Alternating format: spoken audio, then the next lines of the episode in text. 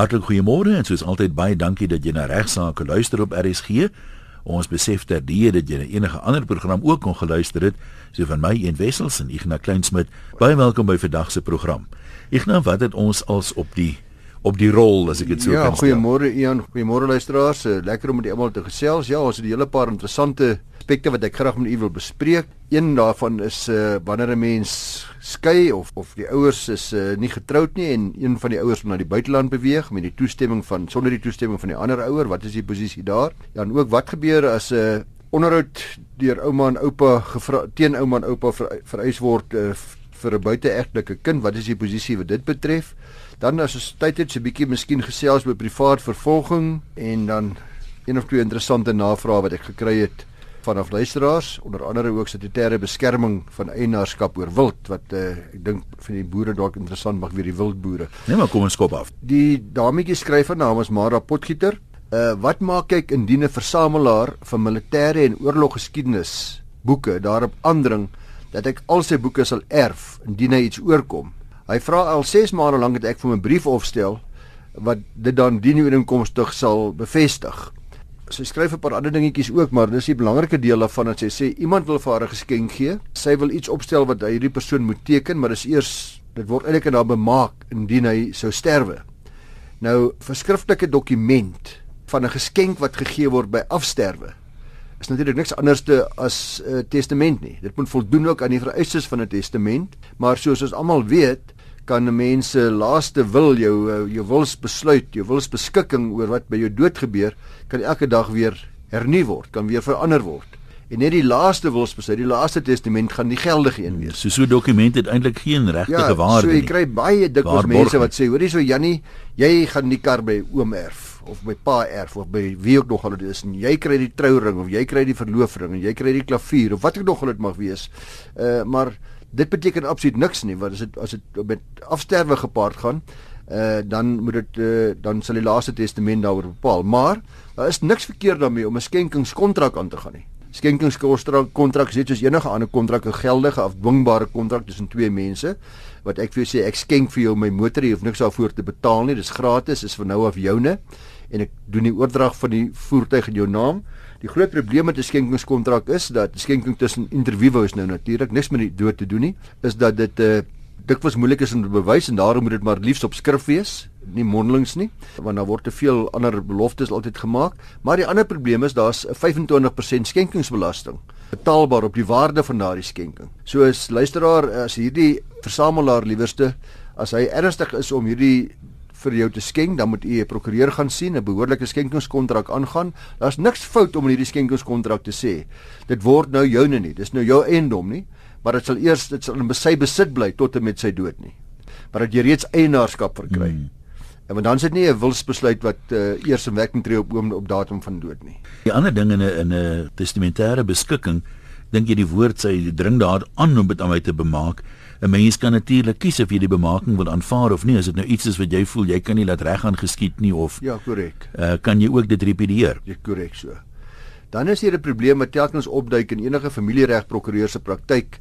Dis die geskeide ouer wat wil verhuis na 'n ander land of die ma of die pa van uh, van kinders wat uh, dalk nie noodwendig eers getroud is of geskei uh, is nie, maar wat dan wil verhuis en die een voog bly dan agter. En daardie voog wil dan nie toestem dat die minderjarige kinders saam met die ander ouer vertrek nie. Natuurlik is daar talle aspekte wat die onwilligheid van die oorblywende Suid-Afrikaanse ouers se weiering beïnvloed. Die, die belangrikste mynse siens is die feit dat dit baie moeiliker word as ook baie duurder om gereelde kontak met die kinders te bewerkstellig en dikwels beteken dit ook maar dat kontak feitelik afgeskakel word dat dit feitelik beëindig word. In die meeste gevalle het albei ouers steeds voogdyskap en beteken voogdyskap onder andere dat albei ouers moet toestem wanneer 'n minderjarige kind die land verlaat. Sonder daardie toestemming sal die ouer wat wil verhuis nie die kinders kan saamneem nie behalwe as die hof die ander ouer verplig om die toestemming te gee of 'n bevel maak dat die ouer die kinders wel kan met hom of haar saamneem na die buiteland sonder die nodige toestemming. Die kinderwet wat hiermee handel, luisteraars, maak dit baie duidelik dat die ouer wat nie die fisiese sorg van die kinders hanteer nie, ook geregtig is om te weier indien hy of sy van mening is dat dit nie in die beste belang van daardie kinders is. En nou word dit 'n hele aantal aspekte wat mense in aanmerking moet neem. Ons dikwels dit is hoewe al daarop gewys dat ons regtig nou Salomo se wysheid benodig om te bepaal wat werklik in belang van die minderjarige kinders is. Dikwels sal die ma byvoorbeeld weer trou, sê maar met 'n persoon wie woonagtig is of werksaam is in 'n vreemde land. En word daar talle argumente geopper, soos byvoorbeeld die lewensstandaard in daardie vreemde land is baie hoër of dat daar baie beter skole is of dat dit baie beter groter finansiële voordele vir die kinders sal inhou as wat die bestaande situasie in Suid-Afrika is. Uh, of dat dit 'n baie goeie gesinssituasie sal skep want die nuwe pa het nou ook kinders wat daar woon ensovoorts of die nuwe ma die agterblywende ouers sal weer aantoon van sy kant of van haar kant af dat daar dalk groot ontwrigting vir die kinders gaan wees. Weg van ouma en oupa af, uh, nuwe skole, nuwe tale wat aangeleer moet word. Al die familie, niemand is daar nie. 'n uh, Pa self is nie daar nie, of ma self wat 'n baie noue band met van die kinders het en wat gereeld uh, dalk ook 'n uh, bydra lewer tot hulle ontwikkeling. Daar word so selfs ook aangevoer soms dat die ouer wat wil verhuis nie regtig opreg is in sy of haar besluit nie. Dit net doen om die ander ouer te na te kom. Dis nou eintlik mooi Afrikaanse woord te spyt. uh die ouer wat aansoek doen by die hof, sal die hof oortuig dat daar uitstekende redes is vir die besluit om te verhuis, dat dit bona fide is en belangrikste van alles maar dat dit werklik in die beste belang van die klein goed sal wees. Beste belang sluit hier dinge in soos beter lewensomstandighede, goeie versorging, goeie opvoeding in die ander land, goeie reëlings, dis baie belangrik. Goeie reëlings om goeie kontak met die blywende ouer te verseker. En dit sien ek baie gereeld soos byvoorbeeld by nuwe mans hulle vliegtuigkaartjies betaal sodat die kinders twee keer per jaar by jou kan kom kuier. Dit dit ek al dikwels gesien. Of ons sal vir jou voorsiening maak dat jy twee keer per jaar by die kinders kan kom kuier of een keer hulle by jou of een keer mm, mm. dat daar minstens daar 'n redelike kontak is en vir alles daar finansiële probleme is om dit te bewerkstellig. Die hof sal dan al die faktore en argumente deur beide ouers behoorlik opweeg en dan 'n balanseringstruik moet toepas om te bepaal wat eintlik in die beste belang is. En heel dikwels is daar natuurlik almal wat iewers luister sal besef, is daar maar voordele en nadele. Ja, dis baie selde dat 'n ding so eensaidig is. Correct, ja. Iets wat ek dink moeilik is om in te werk hierby is daar is mos nou maar die emosie. Jy het nou groot geword sê net maar op 'n plaas in die Karoo en dan voel jy die kinders moet darm ook die die vryheid van 'n Karoo plaas kan ervaar, jy weet. Ja. Emosionele ja. goed is jou land, is jou erfenis as hulle nou oor see gaan gaan hulle vir Engels of wat die geval ook al is. Ja, dis baie waar. Dit is jy kry dikwels dat eh, 'n uh, baie sterk oorweging is die verhouding wat die nie versorgende ouer met die kinders het. In 'n woord, ek sien hulle baie gereeld. Ek gaan elke dag saam met hom billetjie rugby toe of ek doen elke dag dit. Ek, ek is ek is 'n ek is 'n nabye ouer, ek is 'n betrokke ouer. Ja. Uh en om daardie ouer net sommer net te verloor oornag en dan vir 6 elke 6 maande te sien is 'n belangrike oorweging dis duidelik dat soos jy sê dat elke saak op sy eie meriete uh, beoordeel sal word. En ek uh, beveel ten sterkste aan luisteraars dat wanneer jy wel gekonfronteer word met so 'n situasie u 'n familiereg spesialis prokureur gaan spreek. Prokureur sal altyd hulle bes probeer. En dit kan ek met u verseker om saam met al die partye 'n skikking te probeer bereik wat in die belang van almal is maar veral ook in belang van die kinders is. Maar ongelukkig werk dit so dat die uh, hof dikwels maar die laaste opsie is Goed, ons het tyd vir nog een wat uh, nie te lank is nie. Ek wil bietjie met u gesels oor die statutêre beskerming van eienaarskap oor wild. Hierdie was my nuut gewees toe een van die nuwe kandidaatprokureurs of van die uh, professionele assistente daar by ons het onder my aandag gebring dat artikel 21 van die wet op wilddiefstal is 'n wet van 1991 bepaal onder andere 'n persoon wat wild aanhou op grond wat voldoende omheind is, so op omheinde grond soos beoog in subartikel 2 van die wet, nie eienaarskap van daardie wild sal verloor indien die wild ontsnap uit die omheinde grond of gebied nie. So ek as 'n wildboer is behoorlik omheind. As daai wild ontsnap, dan verloor ek nie eienaarskap van daardie wild nie. Uh, want normaalweg sal wild natuurlik waar hulle los rondloop, is dit 'n uh, is dit 'n uh, res hmm. nullius. Maar in terme van artikel 22A van hierdie wet, en dis die belangrike deel wat ek wil onder die aandag bring van alle wildboere, sal die genoemde grond net as voldoende omheind beskou word as daar 'n sertifikaat van die premier van die provinsie waarin die grond geleë is uitgereik word ter bevestiging daarvan. Anderswoorde my my wild is beskerm want my plaas is omheind, maar ek moet 'n sertifikaat hê van die departement, premiersdepartement wat sê dis hulle is tevrede. In die Oos-Kaapse Park en Toerisme Agentskap saak versus Medbury Eiendomsbeperk die einde van verlede jaar by die Oos-Kaapse Hof daar in Graamskat was die eiser die Oos-Kaapse Park en Toerisme Agentskap wat belas was met die bestuur en beheer van 'n natuurreservaat waarop 'n trop Kaapse buffels geloop het. Behalwe vir 'n dam wat 'n grens gevorm het tussen die reservaat en die verweerder se eiendom, verweerder in hierdie geval is nou Medbury eiendomsbeperk die maatskappy, was die reservaat behoorlik omheind. Maar as gevolg van die droogte het die watervlak in die dam gesak waar dit nou nie omheind was nie wat terwaarlik normaalweg geboortelike omheining sou daar wees en die trop buffels het gevolglik ontsnap deur die dam en beland nou by eiendom van die verweerder verweerder sê, "Ag, lekker, ek het 'n trobbuffels gekry. Dis nou myne." Die eiser stel gevolglike aksie in teen die verweerder om die trobbuffels terug te besorg. Hy voer aan net die eiser, hy sê ek wil jou sertifikaat sien. Waar is jou sertifikaat? Van terme van artikel 22A wat sê jou plaas is behoorlik omheind. En die verweerder sê dat uh, daar is nie so 'n sertifikaat nie. En uh jy is dus nie geregtig op eienaarskap van die wild nie. Die eiser voer aan dat die sertifikaat nie die enigste voorwaarde sou wees nie uh, en dat feitelike bewyse ook as voldoende beskou behoort te word uh, om te bewys dat die buffels eintlik voldoende omheen was voordat hulle ontsnap het. Nou luisteraars, die, of dit nou vir skokkond is of nie, die werklikheid is dat die eiser se aksie word van die hand gewys met koste. Die hof beslis dat wat nodig is is 'n sertifikaat van voldoende omheining soos beoog in artikel 22A van die wet en die eiser het versuim om dit te doen en die bedoeling van die wetgewer sê die hof was om beskerming te verleen net aan diegene waar 'n sertifikaat van 'n voldoende omheining uitgereik was. Nou die sertifikaat is 'n praktiese meganisme sê die hof vir forensiese ondersoek om die geskiktheid van wildsheiding te evalueer en ook dien dit om onnodige geskille tussen grondeienaars te voorkom wanneer wild oorspring of ontsnap ensovoorts. Baie belangrik wildboere, u moet uh, maar seker dat u 'n sertifikaat kry ingevolge artikel 22A van die Wet op Wilddiefstal, Wet 105 van 1991. En jy moet daai sertifikaat hê op die stadium of maar die wild ontsnap. Want ek sit nou sommer en dink sê nou jy weet reël nou die ouens kom kyk en hulle sien o, maar jy voldoen tog aan al die vereistes. Hierdie was nou in Graamsstad gewees. Ek sou baie verbaas wees as hier nie ook 'n appel aangeteken was nie. Ja. So as ek die appel later met tyd optel, sal ek vir u daarvan in kennis stel. Luisteraars, ek het 'n briefie ontvang van 'n ouma en 'n oupa. Ek gaan nie hulle name noem nie, hulle wil hulle nie vra om anoniem te bly nie in 'n poging om hulle kleinkind te beskerm. Ek lees vir julle net dele uit hierdie briefie uit voor.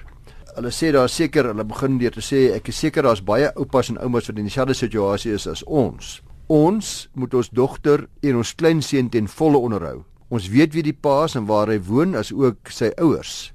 Ons het herhaalde male die kind by sy pa gaan aflei om te kuier. Hy woon by sy ouers en is ook werkloos. Alhoewel hy gedurig sê hy kan mistig werk. My dogter het reeds in Maart 2016 hof toe gegaan vir onderhoud. Die hofsaak was op 8 Augustus 2016, maar hy het nie opgedaag nie en die mense by die hof het sê hulle kan hom nie in die hande kry nie. Die hofsaak is uitgestel tot 6 Oktober en dan sê die ma was weer by die hof op 6 Oktober, maar die pa was weer nie daar nie. Die man by die hof het gesê dat niemand die deur oopmaak nie met papiere te teken nie. Dan eerste vraag wat hy wil vra, hoe op aarde kan die bodes van die hof nie iemand in die hand kry, in die hande kry om daardie stuk papier te teken nie? Dis nou vir betekening van die dagvaarding by die hof te wees nie. Dan tweedens, hoe kan die pa wegkom sonder om onderhoud te betaal en in so 'n geval Hoekom moet ons as ouma en oupa alleen die kleinkinders onderhou? Ons is albei op pensioen. Die pa van die kind se ma werk nog En soos ek verstaan, moet almal bydra vir die onderhoud van die kind. Praat asseblief so 'n bietjie daaroor op julle program. Nou die ouma en oupa meld dat hulle groot frustrasies ervaar met die feit dat die werklose pa van hulle kleinkind nie 'n bydrae tot 'n onderhoud maak nie en dat hy ook nie in die onderhoud sou verskyn nie. Nou daar's drie belangrike vrae luisteraars wat na vore kom, naamlik eerstens uh, vra hulle hoe is dit moontlik dat hy kan wegkom hiermee? Tweedens, hoekom daag hy nie by die hof op nie? Uh en derdens, hoekom moet ons as ouma en oupa nou alleen uh die mas opkom en alle onderhoud betaal. Nou met betrekking tot die eerste vraag moet ek dadelik eintlik 'n teenvraag vra en dit is wat verwag die luisteraars presies moet die hof doen waar 'n pa werkloos is en geen inkomste het nie en weghardloop nie en duidelik sleg sleg is. Stel nie belang nie. Kom ons sê dit nou maar. Ja. Ons praat hier van die dooie perd wat spreekwoordelik opgesaal moet word. Alternatiefelik die spreekwoordelike bloed wat uit die klip uitgetap moet word. Nou ek verstaan nie frustrasies, maar selfs al verskyn hierdie pa in die hof, wil ek nou al vir u sê. Geen hof kan 'n bevel maak dat hy maandelikse paemente moet betaal waar hy werkloos is. Is dit nie moontlik nie? So aanvaar maar terwyl uh, die pa nie 'n bydrae kan maak nie, is kan 'n hof nie wonderwerke verrig om geld te skep wat daar nie is nie. Dit ek sommer net by sê die ander vraag natuurlik is dat der duisende ma's wat onderhoud van die paas kry ervaar baie groot frustrasies, uiterste frustrasies om die onwillige pa in die hof te kry. Ek sê dikwels uh, Ion dat selfs diere doen alles in hulle vermoë om hulle kleintjies behoorlik te versorg en, en mens vind eintlik afskuwlik dat 'n pa alles in sy vermoë doen om betaling van onderhoud te vir vir sy eie bloedkind te vermy. Uh, hoe dit ook al sê, die betekening van die onderhoudsdagvaardings om in die hof te kan kom verskyn is nie altyd maklik nie, maar daar word soos in hierdie geval vermydingsstappe gedoen. Die ouma en oupa lieg dalk ook kind is nooit daar nie. Seun is nooit daar nie, want hy sê ons wil bly by sy by die ander ouma en oupa. Kind is daar, steek hom weg.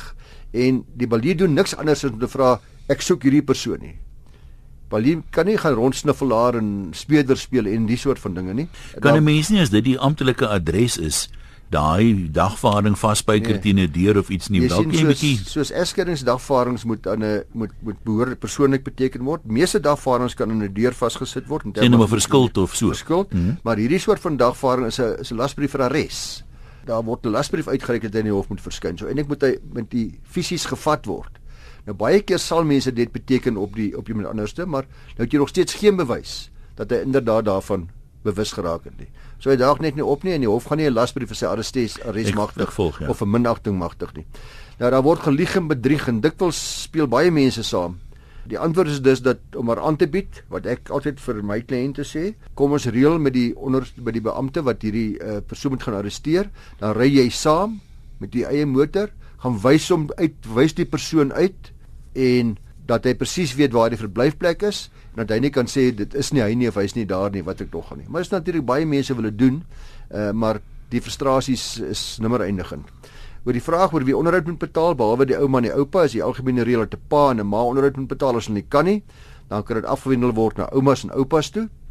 Soms ook na ander familielede. In hierdie geval is beide die natuurlike moeder en vader werkloos. Met ander woorde die mense se eie dogter sê hulle is ook werkloos en die pa is werkloos en sê die luisteraar dat hy en sy vrou as die een grootouerpaar alleen betaal. Daar's geen twyfel dat hulle dogter ook 'n aansoek sal kan bring dat die ander grootouerpaar ook 'n bydrae moet maak tot die onderhoud nie.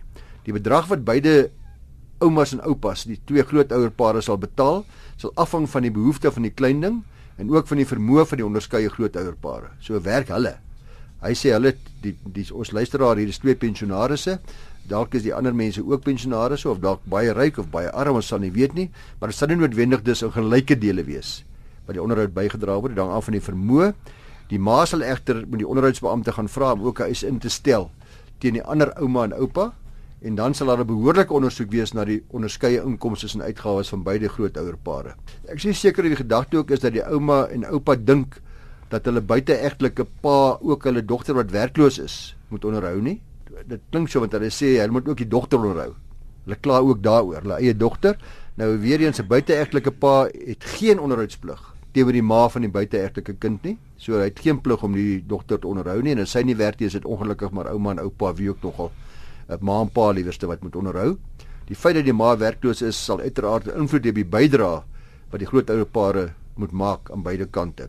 Al dikwels in die verlede gesê luisteraars en ek herhaal dit maar weer vir wat dit werd is dat dit in belang van 'n klein kind is dat daar pogings aangewend moet word om 'n oplossing te vind wat daarop neerkom dat die saak in termine opgelos word. Dit wil sê in vrede en liefde en belang van hierdie van die klein goed. Dit sou wonderlik wees as hierdie 'n ouma en oupa dalk uh, die moed gaan hê om die ander ouma en oupa oor te nooi vir 'n koppie koffie en dan 'n oplossing te vind oor wat in die beste belang van hulle almal se kleinkind is. Hoe hulle kan bydraes maak, wat hulle inkomste is om hierdie situasie te probeer beredder maar ek weet dat hulle baie baie mense gesoek en gesmeek het, het hulle baie mense bymekaar gekry in my kantoor dikwels sonder sukses, soms met sukses, maar dit is makliker ja. sê is gedoen, maar as jy regtig vir jou kleinkinders omgee en jy dink die ander ouma en oupa kan werklik 'n bydrae maak en hulle is sosiaal ook belang, dan is daar oplossings as mense bietjie vrede maak. Maar Maar die gesindheid moet daar wees. Gesindheid moet reg wees aan al die kante af, ongelukkig.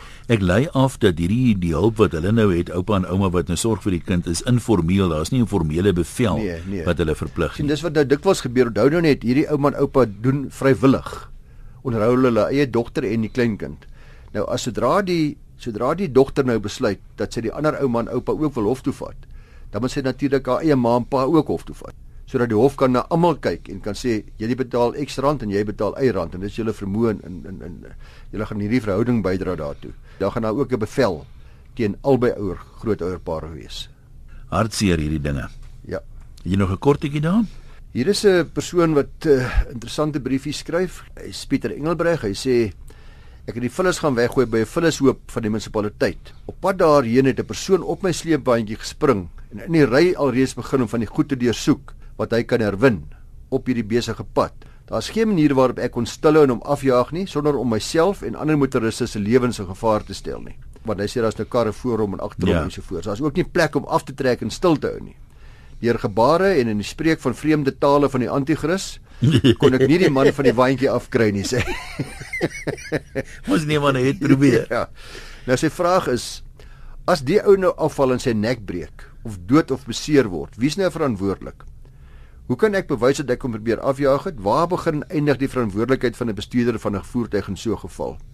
In die geval van 'n ongeluk het ek dan mos nou mense op 'n sleepwaandjie vervoer wat tog teen die wet is. Hoe sal 'n mens kan bewys nie doelbewus die man van die mandjie laat afval het nie ensovoorts. Dit is nogal interessant dat die kraaie van die nasionale paai het gesien en hoe lopend niks daaromtrent gedoen het nie. Ek nie graag wat sê die wet. Nou luister daar uh, Pieter, die regsvraag is of die hof gaan bevind of jy nalatig was as 'n bestuurder al dan nie.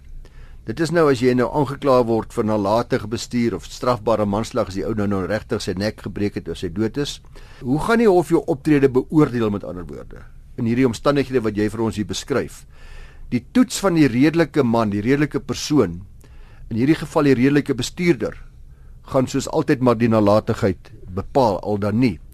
Alle getuienis sal opgevolg word, sal na geluister word, sal opgemeet word, gebalanseer word en die hof moet dan bevind of jy bo redelike twyfel anders opgetree het as wat die redelike man in daardie selfde omstandighede, die redelike bestuurder in daardie selfde situasie sou opgetree het. So jy so iets as jy nou byvoorbeeld hard rem. Jy sê die ou moet afval en hy breek dan sy nek gaan teen jou tel. Goed, jy sê jy moet besluit die die die skrywer beskryf 'n situasie waar jy eintlik in 'n in 'n noodsituasie verkeer.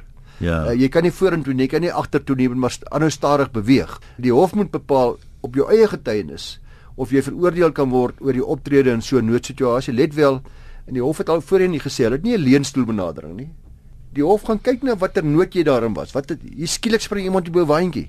Wat moet jy doen? Links, regs, stop, breek. Moet jy die ander karre in verkeer sou, moet jy voor ander motors inry ensovoorts. So alles wat jy gedoen het gaan gaan beoordeel word op daar waar jy was in jou situasie soos jy daar was. Nou mens mag nou hier waar ek toe in 'n leunstoel sit sê ry net stadig vorentoe tot by die plek waar die vullis afgelaai word om seker te maak hy val nie af nie. Want sodra jy gaan vermydingsstappe neem wat onnodig was en hy word dan bestuur ja. dan loop jy wel risiko's. Die blote feit dat hy daar opgespring het, sê mense kon sê die opspringer aan dis vrywillige aanvaarding van risiko. Ja, ongelukkig gaan jy gaan gaan ons nie hierso kyk na wat die opspringer verkeerd gedoen het nie. Ons kyk of die redelike bestuurder getoets aan die redelike man of hy anders kon optree om daardie bestuuring te vermy. Wat sou ek en jy ja. en almal van ons wat luister vandag in daai selfde omstandighede gedoen het?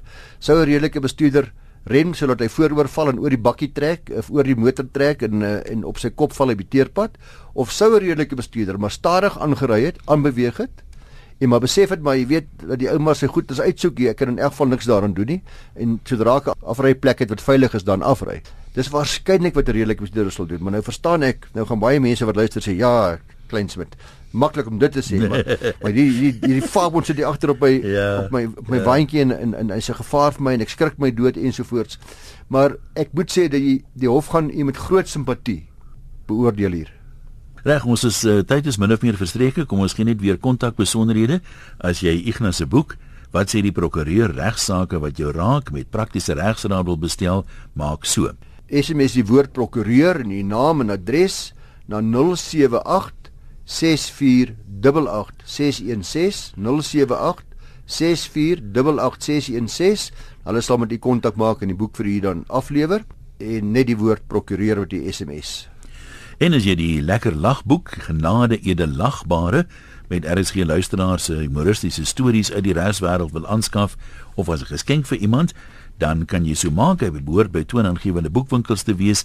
Lapa Uitgewers gee hom uit. Jy kan hom direk by hulle bestel by 012 4010700 of vanaf hulle webwerf lapa.co.za. Dit val daar onder nie fiksie. En as jy glad nie regkom nie, dan kan jy sommer vir my skryf en maak ons 'n plan 1 by rsg.co.za. Baie dankie aan almal vir die wonderlike terugvoer wat ons oor die boekie kry. Altyd lekker om mense te laat lag. Wel volgende maandag maak ons weer so.